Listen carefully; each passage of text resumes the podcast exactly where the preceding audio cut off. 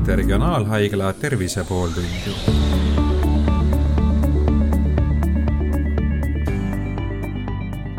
Põhja-Eesti Regionaalhaigla meditsiinigeneetik doktor Laura Roht, kui äh, me praegu võtaksime suvalise inimese tänavalt ja tooksime ta siia, teeksime talle analüüsid, äh, kui suure tõenäosusega on praeguste meetodite ja, ja, ja teaduse äh, arengu juures võimalik hinnata selle täiesti juhuslikult valitud inimese riski haigestuda mõnda tüüpi vähki? Eh, kui ma nüüd mõtlen seda, et me võtame täiesti suvalise inimese tänavalt, eh, siis on meil võimalik teha tõesti selline ala, analüüs nagu vähipaneeli analüüs, kus on siis sada kolmteist pärilike kasvajasündroomidega seotud geeni ja selle alusel äh, me enamasti ütleme, kui me sealt ühtegi pärilikku muutust ei leia, siis me ütleme, et äh, inimesel ei ole suure tõenäosusega keskmisest kõrgemat riski haigestuda pahaloomulisse kasvajasse kui me võtame nüüd nii näiteks, äh, mida me teame Eesti andmetel, Eesti geenivaramu tehtud uuringutest, et näiteks BRCA1, BRCA2 geenid, mis on seotud siis päriliku rinna- ja munasarja vähisündroomiga, et kui seda on äh, geenidoonoritel uuritud, siis see sagedus, nende muutuste sagedus meie populatsioonis võiks olla umbes üks saja kahekümne viiele ehk siis ühel inimesel saja kahekümne viiest me selle leiame. nii et äh, sellele küsimusele on natuke keeruline ühte konkreetset vastust anda, aga üldjoontes äh, me suudame siis öelda, et kas suure tõenäosusega inimesel on keskmisest kõrgem risk pahaloomulise kasvaja tekkeks elu jooksul vastavalt sellele, kas me leiame pärilikke muutusi või mitte. kui leiame, siis me saame juba täpsustada, kui suured on need riskid ja milliseid organsüsteeme see puudutab nüüd oletame, et see risk äh, on siiski olemas, et mida see tähendab, äh, mida selle teadmisega peale hakata, et, äh, et inimesed ju tegelikult noh, see, see, sellist laadi uudiseid, need ei ole head uudised. et, et kuidas see, selle teadmisega nüüd inimene peaks edasi elama, mis ta peaks tegema teistmoodi kui seni, kas midagi annab ette võtta, et see risk ei realiseeruks? Äh, annab küll, see sõltub kindlasti sellest, äh, mida me leiame, aga tulles tagasi selle küsimuse esimese poole juurde, et kindlasti psühholoogiliselt on see keeruline ja selle tõttu äh, on ette nähtud nii, et kui teostatakse geneetilisi uuringuid, siis sellele peaks eelnema nõustamine nende uuringute teostamise osas just selle tõttu ka, et inimene saab aru, mis analüüsi me teeme, mida see tähendab ja mida see tulemus tema jaoks tähendab. Ja äh, tihtipeale ma selgitangi patsientidele või, või ka tervetele inimestele, kes pöörduvad näiteks vähiriskide hindamiseks, seda, et see on see koht, et kui meil see tulemus juba tuleb, siis me ei saa sealt enam tagasi minna. See, see, see ei ole võimalik ja selle, selle elamisega siis, või selle, vabandust, selle teadmisega inimene peab siis edasi elama ja toimetama. inimesed on väga erinevad eh, kelle jaoks on see ikkagi suur stress, kes vajab psühholoogilist abi ja kes võtab seda pigem nii, et eh, hea, et ma nüüd teada sain oma riskist ja, ja siis tulebki seal mängu see, et kas ja mida siis on võimalik eh, selleks teha, et neid riske langetada et siin on ka, sõltub sellest, kas on tegemist inimesega, kellel on juba mingi kasvaja või, või terve inimesega, kellel leitakse mingi äh, pärilik geenimuutus. kui nüüd sellel tervel inimesel see pärilik geenimuutus leitakse, et äh, kas ta siis äh, edaspidi peaks äh, nüüd tihedama jälgimise all olema, kas on võimalik midagi äh, nii-öelda preventiivselt ette võtta, et, et seda riski vähendada või, või milliseid nagu selliseid aktiivseid samme siis on võimalik astuda mm? -hmm noh, siin jälle sõltub sellest, mis me sealt leiame, aga kui, kui rääkida kõige sagedamini, kõige sagedasemast pärilikust kasvajasündroomist, pärilik rinna- ja munasarja vähisündroom, mis on seotud siis BRCA1, BRCA2 geeni muutustega, siis seal, kui, kui me leiame selle tervel noorel inimesel,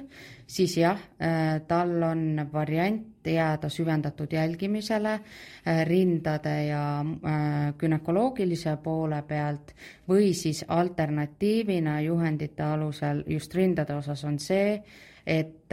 naine saab otsustada selle kasuks, et ta profülaktiliselt rinnanäärmed eemaldab ja rinnad taastatakse see on ilmselt subjektiivne, aga minu, minu kogemus näitab, et, et see sõltub jälle hästi palju pereloost. kui naine on näinud noores eas äh, emal, tädil äh,, vanaemal, õel, kellelgi äh, ikkagi rinnavähki ja see on väga laastav olnud, siis mulle tundub, et nad pigem teevad selle otsuse, et nad eemaldavad need rinnad, mitte ei jää neid jälgima gümnakoloogilise poole pealt on see, et seal me peame arvestama, et kui me leiame noorel inimesel selle muutuse, siis tihtipeale nad on ju fertiilses eas naised, kellel näiteks ei ole veel lapsi või nad soovivad veel äh, lapsi saada, rohkem kui üks-kaks või kui palju neil sel hetkel on, et siis me peame arvestama sellega, et äh, et need munasarjad, munajuhad soovituslikult, soovitatakse küll sõltuvalt geenist kolmkümmend viis kuni nelikümmend või nelikümmend kuni nelikümmend viis eluaasta vahemikus seal äh, riskide langetamiseks eemaldada. äh,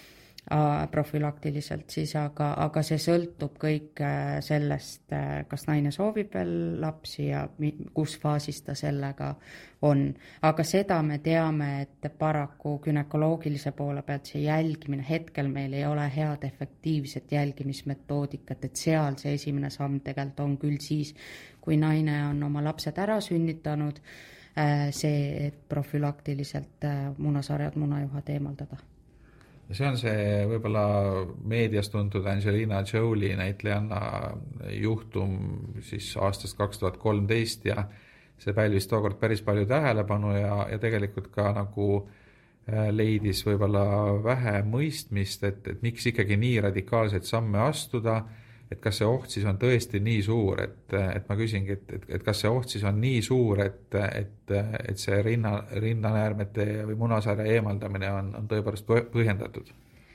Jah, tõesti, et äh, Angelina Jolie juhtum äh, andis äh, tegelikult ka sellise hüppe või me nägime diagnostika osas, geneetilise diagnostika osas ka, et tegelikult me oleme siin Eestis seda ka näinud, et kahe tuhande neljateistkümnendast aastast on meil võimalik olnud teha uuringuid siis äh, järgmise põlvkonna sekveneerimisega, kus saab korraga vaadata äh, paljusid geene. enne seda vaadati pigem üksikult geene, kõiki geene eraldi, see võttis palju kauem aega ja seal me tõesti näeme, et, et see hüpe toimub kaks tuhat viisteist kuskil ka meie andmete järgi kus on neid rohkem testima hakatud ja noh, see on ajas siiamaani kogu aeg kasvav et kindlasti ta on mõjutanud seda testimist äh, ja, ja tõesti, see tegelikult on äh, näidustatud just selle tõttu, et need riskid tõesti on väga kõrged, et kui me võtame äh, need BRCA üks, BRCA kaks rinnavähi riski, siis varasemad numbrid on olnud isegi umbes üheksakümmend protsenti ja seal on ka see, et nii ühe kui siis teise rinnarisk rinnavähirisk on väga kõrged ja nüüd juhendid ütlevad üle kuuekümne protsendi. see sõltub kindlasti kõik sellest, kui palju on neid rinna- ja munasarjavähiga isikuid seal pereloos ja, ja munasarjavähi risk on ka ikkagi seal isegi nelikümmend, viiskümmend protsenti BRCA ühe puhul ja BRCA kahe puhul jääb ta madalamaks, ehk siis see mõte ongi see, kui me võtame ära organid, kus see vähk saab tekkida, siis loogiliselt me drastiliselt langetame seda äh, väh-, vähitekke riski. jah, meditsiinis ei ole ju kunagi nulli ega sadat, et me ei saa öelda, et, et me langetame selle nulli aga, aga tõenäoliselt äh, ikkagi peaaegu nulli lähedale võiks äh, siis jääda. kui see risk on äh, nii suur, kas siis ei oleks mõistlik teha screening ut massiliselt elanikkonnale, et leida need, need BRCA1 geenimutatsiooniga inimesed üles ja ja, ja sekkuda siis nii vara kui võimalik, et, et sellega peaks olema võimalik eluohtlike vähijuhtumite arvu ka oluliselt vähendada Äh, no väga õige küsimus ja arvestades, et äh, meil on ju personaalmeditsiini ajastu, siis ma saan ainult öelda, et äh, personaalmeditsiiniga tegelevad juhtgrupid ka, ka rinnavähi osas sellega tegelevad ja, ja püüavad nii-öelda kõige optimaalsemat ja kulutõhusamat varianti välja mõelda kuidas äh, saaks õigel ajal need inimesed tervena üles leida, äh, need BRCA üks, BRCA kaks muutused üles leida, inimesed jälgimisele suunata ja see ongi ju asja mõte, et me tahaks seda, et inimesed oleks süvendatud jälgimisel selle mõttega, et kui peaks mingi kasvaja tekkima, mida varem me kasvaja avastame, seda paremini on ta ju ravitav. Ja noh, ideaalis me muidugi loodaks seda, et me suudame kasvajaid nii ka ennetada, aga igal juhul selle kaudu, et me süvendatult inimesi jälgime, võiks ka suremus nendesse kasvajatesse langeda. nüüd need inimesed, kellel ei ole pereloos äh, vähijuhtumeid, kas, kas nii võib ka olla, et neil lähisugulaste seas pole äh, vähijuhtumeid, aga nad ikkagi ise kannavad seda ohtlikku geeni? ja absoluutselt võib olla küll, et et need sugupuud on väga erinevad ja jõuavadki terved inimesed, kellel tõesti, kui me ilusti joonistame sugupuu, kuhu me märgime siis kokku kolm põlvkonda, kus me tegelikult ei näe ühtegi tüüpilist kasvajat, ehk siis kui me räägime sellest pärilikust rinna- ja munasarjavähi sündroomist, siis äh, siis seal need tüüpilised kasvajad siis on rinnavähk, munasarjavähk, meestel eesnäärmevähk, kõigil siis pankrease ehk kõhunäärmevähk. et tõesti võib olla nii, et et, et me ei näe seal ühtegi neist kasvajatest ja, ja ometigi see geenimuutus sellel inimesel leitakse et, et neid sugupuid on väga erinevaid ja, ja vahel, mis mis selle sündroomiga on, on, mis tuleb kindlasti ära märkida, on ka see, et et see ohustab selles mõttes ka mehi, et see ei ole seotud ainult naiste rinnavähiga, vaid ka meestel võib see tingida rinnavähki ja vahel, vahel, kuna meestel on riskid selle äh, sündroomiga seoses ikkagi nii palju väiksemad, siis võib ta niimoodi varjatult päranduda, et et näiteks äh, ongi meesliinis äh, hilisemas eas eesnäärmevähk, mis tegelikult on ju meestel äh, väga sage kasvaja, aga ei ole tüüpiliselt rinna- või munasarjavähki ja, ja siis kas ei mõelda selle peale või, või noh, ei osatagi sellele mõelda, et seal võiks olla midagi pärilikku taga. Me rääkisime rinnavähi puhul sellest, et, et nagu suhteliselt selline äh, radikaalne abinõu on, on rindade eemaldamine, kui oht on suur, aga nüüd meeste puhul, kas kas eesnäärmevähi puhul on ka seda praktikat, et kui on väga suur eesnäärmevähi risk, et siis sarnaselt naiste rindade eemaldamisega tehakse meestele siis eesnäärme eemaldamise operatsioon lihtsalt, et seda riski vähendada? ei, seda praktikat ma küll ei tea ja ja ma lihtsalt mainin ära, et, et ei tekiks segadust, et et rinnavähiga seoses on ka teisi geene, millel ei ole nii kõrgeid riske nagu sellel BRCA1 ja BRCA2 geenil, mille puhul tõesti on, on äh, näidustatud see, et on võimalik kaaluda profülaktilisi operatsioone. on ka nii-öelda mõõduka riski geene, äh, mille puhul soovitatakse ainult süvendatud jälgimist ja vahel on nii, et, et kui otseselt ei ole ka näidustatud näiteks see rindade eemaldamine, aga peres on väga palju rinnavähki, siis, siis me kaalume seda ikkagi, aga juhendid vahel ütlevad, et ei ole piisavat infot, et soovitada, kuid see otsus tuleb teha pereanamneesi alusel. aga nii-öelda nii kõrgeid riske eesnäärmevähi äh, jaoks või eesnäärmevähiks äh, versus, kui me räägime siin naistel sellest rinnavähist, pärilikke riske ma ei tea, nii et sellist, selliseid profülaktilisi operatsioone meestele küll ei teostata. nüüd, äh, kui teha geenianalüüsid ja ühtegi riski sealt ei leia, et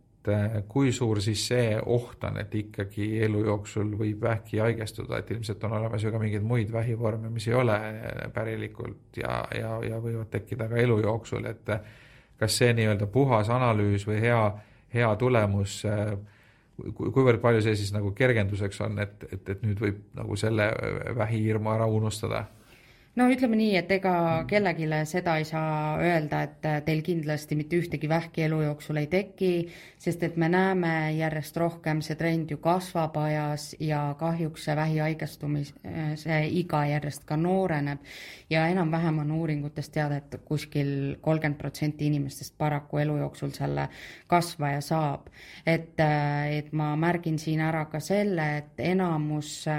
kasvajaid on juhuslikud, mitte pärilikud, kõik kasvajad on geneetilised, aga seal on vahe, kas nad on nii-öelda juhuslikud, ehk seal ei ole pärilikku geenimuutust, mis mõjutaks kogu suguvõsa,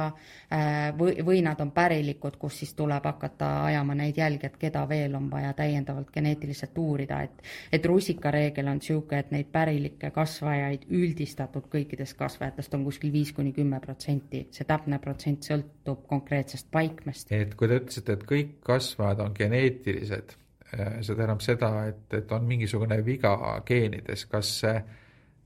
me liigume sinna suunas ka, et seda geneetilist viga oleks võimalik äh, korrigeerida, et, et see geeniviga nii-öelda ära parandada, et kasvajat ei tekiks? Jah, selles suhtes küll, et geeniteraapia kui selline on ju olemas küll ja juba paljude haiguste puhul kas kliinilistes uuringutes või, või täitsa juba ka äh, reaalselt katsetatud äh,. aga, aga noh, see käib pärilike haiguste kohta, et kui me räägime juhuslikest kasvajatest, siis me teame jah, et kuskil geenis ongi erinevate faktorite tõttu väga raske on näppu peale panna, kas see tuleneb sellest siis, et äh, kindlasti me teame, et tõstab, tõstab riske äh, Äh, et DNA-s tekiks neid vigu igapäevaselt rohkem äh, ebatervislik eluviis. suitsetamine, äh, liigne alkoholi tarbimine, ebatervislik toitumine, kõik sellised asjad, et et eriti rõhun siin just nagu suitsetamisele ja alkoholile, et sellega tuleb targalt ringi käia, mitte suitsetada ja,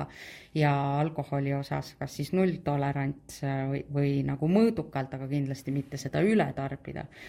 et, et selles osas äh, sel-, sellist vigade parandust, äh, see ei muudaks sellel hetkel enam äh, midagi, sest et see kasvaja on juba tekkinud. Et geeniteraapiast me saame rääkida ikkagi pärilike kasvajasündroomide kontekstis, aga, aga noh, seda hetkel kasvajate osas veel küll, kasvajasündroom, pärilike kasvajasündroomide osas küll kuulda ei ole olnud, aga, aga mine tea, võib-olla seda ma ka alati patsientidele ütlen, et et kui nad küsivad ka oma laste kohta näiteks, et oletame, et naisel on, ta on terve, tal on BRCA1 geeni muutus, ta jääb süvendatud jälgimisele või otsustab teha need profülaktilised operatsioonid, aga tal on kaks tütart, kes on lapseeas et lapseeas see BRCA1 äh, rolli ei mängi, aga kui nad saavad täiskasvanuks, äh, siis kuna neil ema poolt on siis viiskümmend protsenti see risk, et neil võib ka see BRCA1 muutus olla, siis on soovitatav, et nad tuleks geneetikule, saaks selle siis ära uurida. Ja siis ma alati ütlengi, et ega me tegelikult ju ei tea, mis me näiteks kümne või kahekümne aasta pärast räägime. Võib-olla noh, kui siin filosofeerida ja mõelda, võib-olla meil ongi üks süst, mis parandab selle BRCA1 geeni ära ja ja, ja me ei pea enam profülaktilisi operatsioone tegema, et noh, see on, mõelda tuleb ikka alati suurelt. aga kas me liigume praegu selles suunas, et, et mingi, mingi aja pärast me suudaksime neid geenivigu parandada? ja noh, neid uuringuid on tehtud ja need mehhanismid ju on välja töötatud ja, ja isegi Nobeli preemia on ju selle, selle eest mitte väga ammu saadud et äh, teoreetiliselt on see kõik võimalik ja nagu ma ütlesin, siis on ka ju meil äh, neid näiteid siin meediast läbi käinud küll rohkem ainevahetushaiguste või lihashaiguste kontekstis, kus on tehtud patsientidele seda geeniteraapiat, et, et see on juba tegelikult, see ei ole enam tulevikumuusika, vaid see on tänapäeva reaalsus. Kui palju erineb see Eesti geneetikatase täna maailma tipptasemest, ma ei tea, eeldame, et see on näiteks USA-s, et et mis see põhiline vahe on? ma arvan tegelikult, et äh, mitte ma ei arva, ma tean, et see, see tegelikult meie võimaluste, uuringu võimaluste tase on tegelikult äh, väga hea ja võrreldav äh, nii Euroopa kui USA, ma julgen öelda, tippkeskustega. et äh, täna on meil võimekus, mida paljudel äh, ka ümbritsevatel Euroopa riikidel ei ole, teha sellist uuringut nagu eksoomi sekveneerimise uuringut, kus siis, äh, kui ma lihtsustatult seletan, saab vaadata kõikide geenide nii-öelda neid kodeerivaid osi, mille pealt tehakse valku ja, ja seda meie saame täiesti nii-öelda oma rutiinses töös teha ja selle, selle, see analüüs on ka Haigekassa eh, teenuste hulgas. et, eh, et siit samm edasi eh, on kindlasti genoomi sekveneerimine, kogu pärilikkusaine uurimine, et et seda on meil võimalus ka teatud teatud teadusprojektide raames teha ja siin tuleb lisaks äh, DNA-le siis RNA sekveneerimised, kõik sellised asjad, et äh, mida meil on teatud võimekus selles osas ka olemas, nii et äh, tegelikult ma arvan, et me oleme väga-väga heas seisus, et kui nüüd meid kuulavad inimesed, kellel on suguvõsas näiteks rinnavähi esinemissagedus kõrge ja mida te neile soovitate, et kas, kas nad peaksid tulema geeniuuringule teie juurde? Äh, jah, äh, seal peab vastama teatud kriteeriumitele, et millal me otsustame, et neid uuringuid on vaja teha. et jälle need rusikareeglid on, on need, et, et me võimalusel alustame uuringuid inimesest, kellel endal see kasvaja on olnud kas siis äh, rinnavähk, munasarjavähk, vahel on ka mõlemad ühte inimest tabanud. et nii on kõige suurem tõenäosus, et kui seal peaks olema mingi pärilik äh, geenimuutus, et me leiame selle muutuse üles ja saame juba lihtsamal viisil siis pereliikmeid uurida. et see on üks asi ja seda kõike teeme me täiskasvanu eas ja, ja kindlasti, kui nüüd inimesed mõtlevad oma äh, oma pereliikmete, sugulaste peale, et äh, kui seal on noores eas ikkagi noh, meie mõistes noor iga äh, päriliku kasvaja mõistes on alla viiekümne olnud kellelgi rinnavähk äh,